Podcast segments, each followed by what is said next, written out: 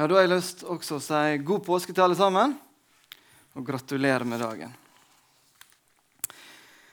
Vi går etterpå og skal lese teksten sammen fra Lukas 24, de ni første versene.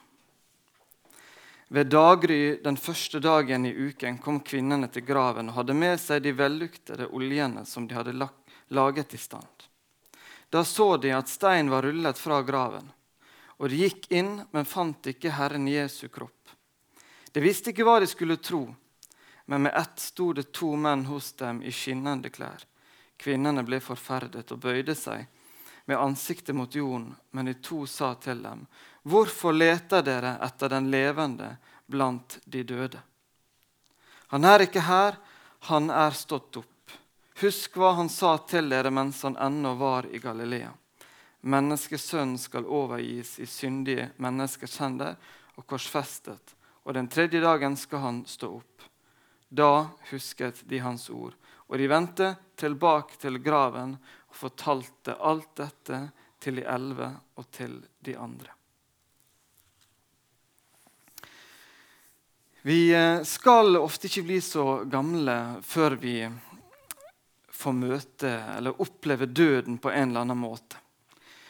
Og det første opplevelsen med han trenger kanskje ikke være så veldig dramatisk. Kanskje det var en, eh, en blomst vi hadde plukka, som var så fin ute, og så døde han når vi tok han inn. Kanskje var det en gullfisk som døde, selv om det kan kanskje oppleves litt dramatisk, det med. Um, men vi lærer oss ganske fort at med døden så er det slutt. Da er det, da er det over. Vi kan eh, jo møte det her på et langt mer dramatisk måte. Ved å miste kanskje besteforeldre, ved å miste foreldre. Kanskje noen har opplevd å miste et barn, eh, og vi på en måte får merke hvor vondt og vanskelig det kan være med døden. Og jeg tror at kanskje flere av vi som er her i dag, har opplevd det at mens tårene renner så har vi prøvd å be, rope, kom tilbake. Bli levende igjen. Vi prøver å, å kalle tilbake noe som vi har mista. Vi vet at det kommer ikke til å skje, men det er sårt, det er vanskelig, og vi prøver. Og så roper vi, og så ber vi. Men vi vet at når noe er dødt, så er det dødt. Og slik vil det være. Slik tenkte disiplene med. De var også vant til å tenke at det var slutt med døden. Når Jesus hang på korset, så tenkte de nå er livet med Jesus over. Vi har hatt tre år med han. Spennende år, eh, utfordrende år. Kanskje litt farlige år. Noen år som har vært krevende, men som har gitt oss mye. Men, men nå er det nok sikkert over. De hadde liksom valgt å, å legge hele livet sine i Jesus sine hender. Og så tenkte de oi, nå er det slutt. Nå blir det tilbake til fiskebåtene. Nå blir det tilbake til tollbodene. Eventyret var over. Da tenkte nok det, altså. Når vi ser på hvordan de oppførte seg, så må vi tro at de tenkte det. Men så er mitt spørsmål hadde de grunn til å tenke det. Hadde de grunn til å tro at det var over idet Jesus ble hengt opp på korset? Eller burde ha tatt noen hint? Jeg vil at vi skal bruke noen minutter på å se på, på noen av de tingene som jeg tenker disiplene burde ha fått med seg, og som jeg tenker at vi må få med oss. For det er ikke så lenge før dette skjer, at eh, disiplene er sammen med Jesus når Jesus vekker Lasarus opp fra de døde. Og det står at Thomas, som vi ofte kaller tvileren, han var sammen med Jesus når Jesus vekker Lasarus opp fra de døde. Lasarus hadde vært død i fire dager. Og så sier Jesus til ham at han skal komme ut av grava, han skal stå opp. Dette har de sett skje. Thomas hadde behov for å få lov til å legge handa i sida på Jesus, se naglemerket i hendene. Han hadde altså ganske kort tid før sett at Jesus kan vekke mennesket opp fra de døde. Ehm, I Lukas 18, like før vers 31, så står det i min bibel en overskrift. Der står det Jesus taler for tredje gang om sin død oppstandelse. Tredje gang. Skal vi se hva som står der? Det ble jo gjentatt noe av det i teksten vi nettopp leste med. Han tok de tolv til side og sa til dem.: Se, vi går opp til Jerusalem, og alt det som profeten har skrevet opp menneskesønnen, skal gå i oppfyllelse. Han skal overgis til hedningene og bli hånt og mishandlet og spyttet på, og de skal piske ham og slå han i hjel, og den tredje dagen skal han stå opp. Det burde da ikke komme som et sjokk på dem, det som skjedde. De hadde fått det, ifølge denne overskrifta, tre ganger. Kan godt hende at han hadde sagt det mange flere. De hadde fått disse ordene fra Jesu munn om akkurat hva som skulle skje. Men da det skjedde, så skjønte ikke de det. Og Hvis vi ser hva ord der Jesus bruker om seg sjøl, så er det også noe spesielt med det ordet. For Jesus han har et favorittuttrykk om seg sjøl. Det ordet han oftest bruker om seg sjøl, er menneskesønn eller menneskesønn.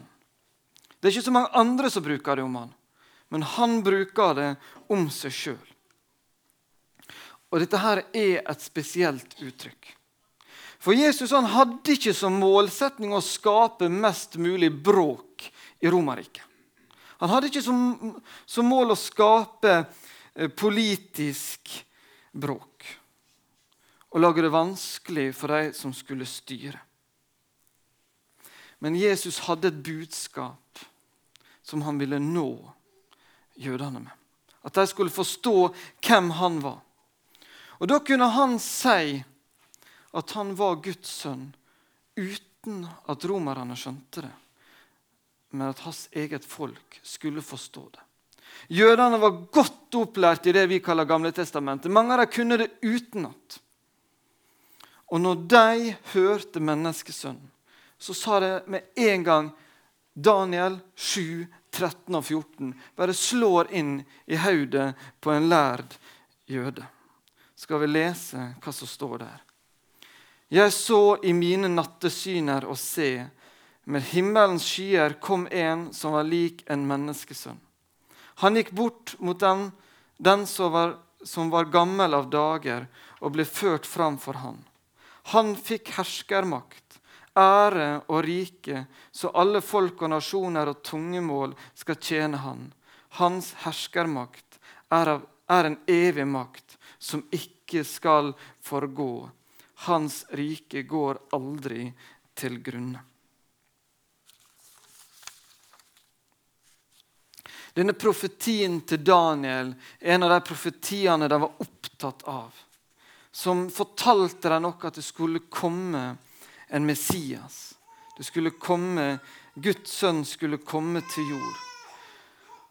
Og Jesus hadde mulighet til å kommunisere inn til disse her jødene på en måte som de forsto dette her på. De skjønte, Når han brukte ordet menneskesønn, så sa han til dem jeg er Guds sønn. Jeg er den Messias dere venter på. Jeg er den salvede. Jeg skal vinne over døden for deres skyld. Dere har feira påske en årrekke. Men nå er jeg dette lammet, det perfekte lammet uten feil, som skal ofres en gang for alltid. Det kunne de forstå når de hørte ordet 'menneskesønn'. Men allikevel, altså. Til tross for at Jesus hadde vist dem at han kunne vekke opp mennesker fra de døde. Til tross for alle undere han hadde gjort, til tross for det han hadde sagt til dem minst tre ganger at akkurat det som skjedde, skulle skje. Til tross for at han brukte dette ordet 'menneskesønn' om seg sjøl stadig i disse tre åra han gikk att med disiplene, så var det som det svartna for dem når det skjedde. De skjønte ikke det. De ville ikke skjønne det.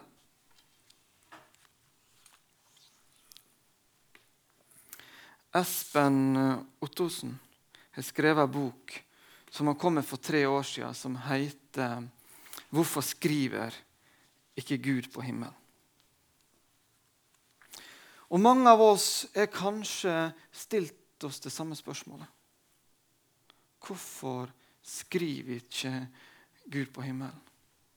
Kanskje det var noen hvite, flotte skyer som, som forma seg og ga oss et fint budskap av og til? I dag hadde jo det fungert med ikke alle dager det hadde vært så tydelig hvitt på blått her på Sunnmøre, men det skal ikke vi rippe så mye opp i. Men, men hvorfor kan ikke Gud gjøre det? Vi må jo egentlig si at, at Gud hadde jo han hadde liksom både skrevet på himmelen for disse herredisiplene. Han hadde skrevet på veggen, han hadde gjort det svart på hvitt. Han hadde gjort det så tydelig som mulig. Men så klarte de å la være å få dette med seg.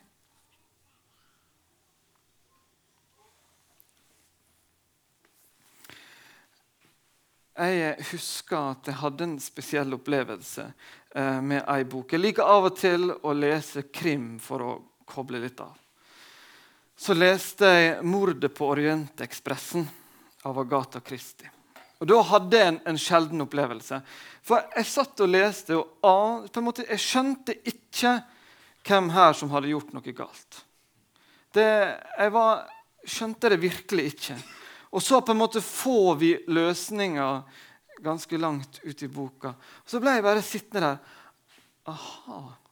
Jo, riktig. Så klart. Det bare liksom, Jeg følte at jeg ikke hadde noen brikker omtrent på plass. Jeg mangla svært mange av brikkene i denne boka for å forstå den. Og så bare kom de ramlende ned ganske så kjapt. Og så tenker jeg at Slik burde det ha vært for Peter og Johannes og de andre. Om ikke før så når disse kvinnene kommer tilbake fra grava og forteller hva de har sett, om ikke for så da burde disse her brikkene falt på plass for dem. Men det gjør ikke det da heller. De må springe og se sjøl. De må ta beina fatt.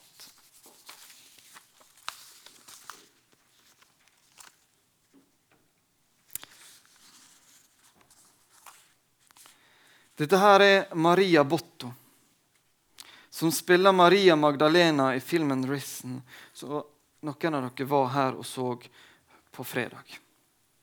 Forhåpentligvis så har mange av dere sett denne filmen. Hvis dere ikke har gjort det ennå, så bør dere gjøre det. Etter min mening en veldig bra film å få med seg.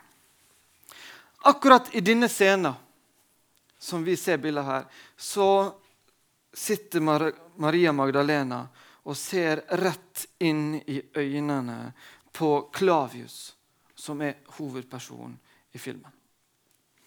Klavius har i oppdrag å finne Jesus sin kropp. Etter hvert så finner han Maria Magdalena. Sitter der og prater med henne. Og så ser på en måte Maria Magdalena rett inn i øynene på han, og så sier hun du finner ikke det du leter etter. Åpne opp hjertet ditt og se. Tenker, det er påskemorgenbudskapet til deg og meg. Åpne opp hjertet ditt og se. Vi skal være opptatt av å argumentere og vise at Bibelens budskap er pålitelig og velfundert. Vi skal ha stor frimodighet på Guds vegne til å overbevise om at dette her er sant. Samtidig så kommer ikke vi utenom at dette her er et budskap fra hjerte til hjerte. Det som virkelig betyr noe, det er om vi er villige til å åpne opp hjertet vårt, til å se det som Bibelen forteller oss skjedde første påskedag, og tro på det. Tro at Jesus døde for deg og meg.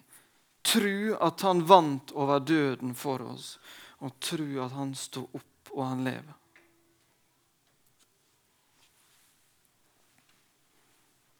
Det er et alvorlig budskap. Og det er et budskap som får store konsekvenser for livet vårt. I Salmos ordspråk 4.23 så står det 'Bevar ditt hjerte framfor alt du bevarer, for livet går utover det. Ut fra det. Hvis vi åpner opp, la hjertet vårt tro dette her, la hjertet vårt se dette her, så skal det og vil det få konsekvenser for et helt liv.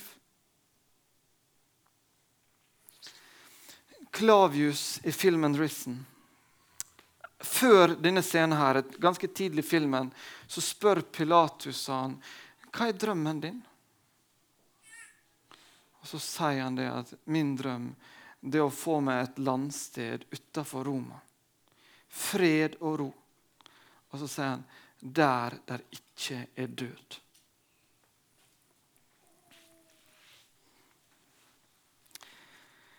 Hva ble resultatet for Klavius? Ble han, Fikk han dette her ønsket sitt? Og så må vi si nei og ja. Han fikk ikke mye ro og fred på denne jord. Klavius han velger å legge fra seg denne ringen som forteller om hans forholdsvis høye militære rang.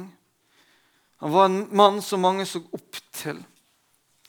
Han kunne han hadde allerede kommet et stykke i karrieren og kunne nok komme ganske høyt. Han velger å legge det til side for å bli en Jesu etterfølger. Nå vet jo vi ikke enden på historien for Klavius, men vi må kunne tro at han fikk lov til å ta imot Jesus på en sann måte. At han skulle få lov til å en dag være med Jesus i himmelen. Og da ble det faktisk slik at Klavius fikk lov til å oppleve en dag et liv uten død. Han fikk ett av sine drømmer oppfylt. Og det tenker jeg Når vi har måttet kjent på døden i livet, ved at vi har kanskje mista noen kjære, veit hvor vondt og vanskelig det er, så er påskemorgen også et budskap til oss om at en dag så skal vi faktisk få et liv der det ikke er lenger død. Døden er overvunnet.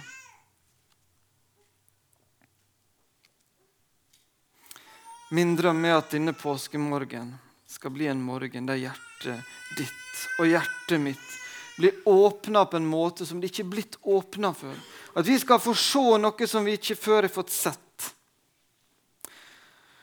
At dette her skal få lov til å gripe tak i hele livet vårt.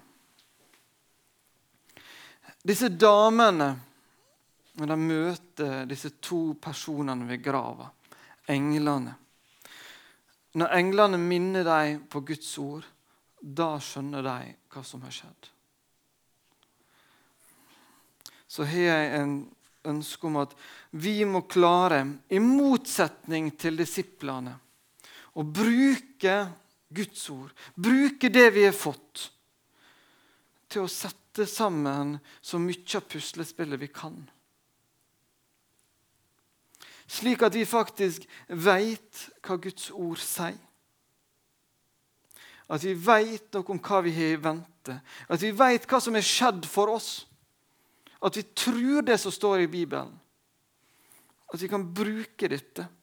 At vi ber Den hellige ånd om at vi må forstå dette budskapet. Og at når ting skjer, så må ikke det liksom svartne for oss og glemme det som står, men at vi tror på det. Og så at vi åpner hjertene våre, og at vi ser og tror det som Jesus vil si til oss.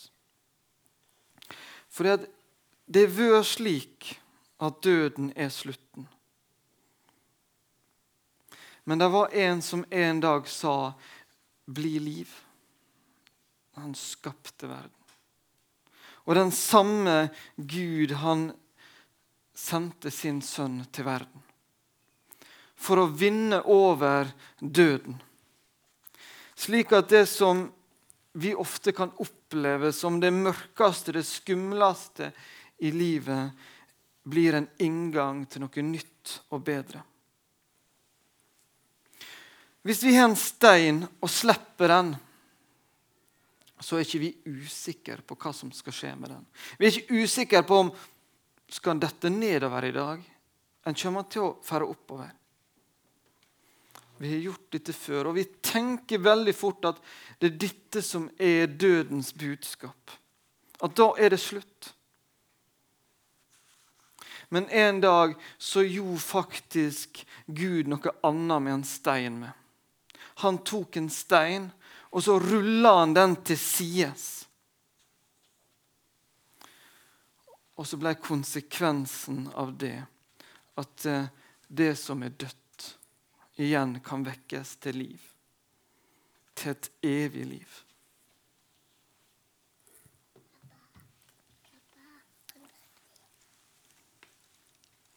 Det er så mye som kan forstyrre oss i livet. Får, vi, får oss til å tenke på noe annet. Får oss til å glemme Bibelens budskap om påskemorgen.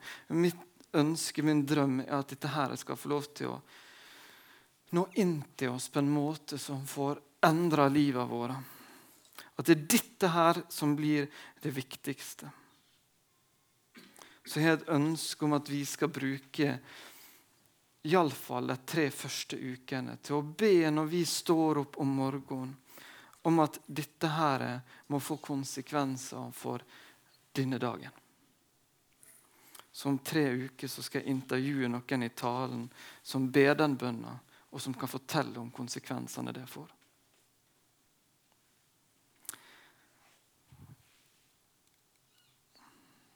Vi er opptatt av hva vi vet. Bruk det Gud har gitt oss. Og så åpne opp hjertet og tro. Kjære himmelske Far, takk for påskemorgen. Takk for budskapet du har kommet til oss med denne dagen, at døden er ikke lenger slutten. Og du har gjort døden til en inngang til et nytt og evig liv. Allmektige Far, jeg ber om at Din Hellige Ånd får lov til å jobbe med oss, slik at vi tar imot dette budskapet. At vi lever det ut. At påskemorgenbudskapet blir et budskap som får konsekvens for hele vårt liv. Amen.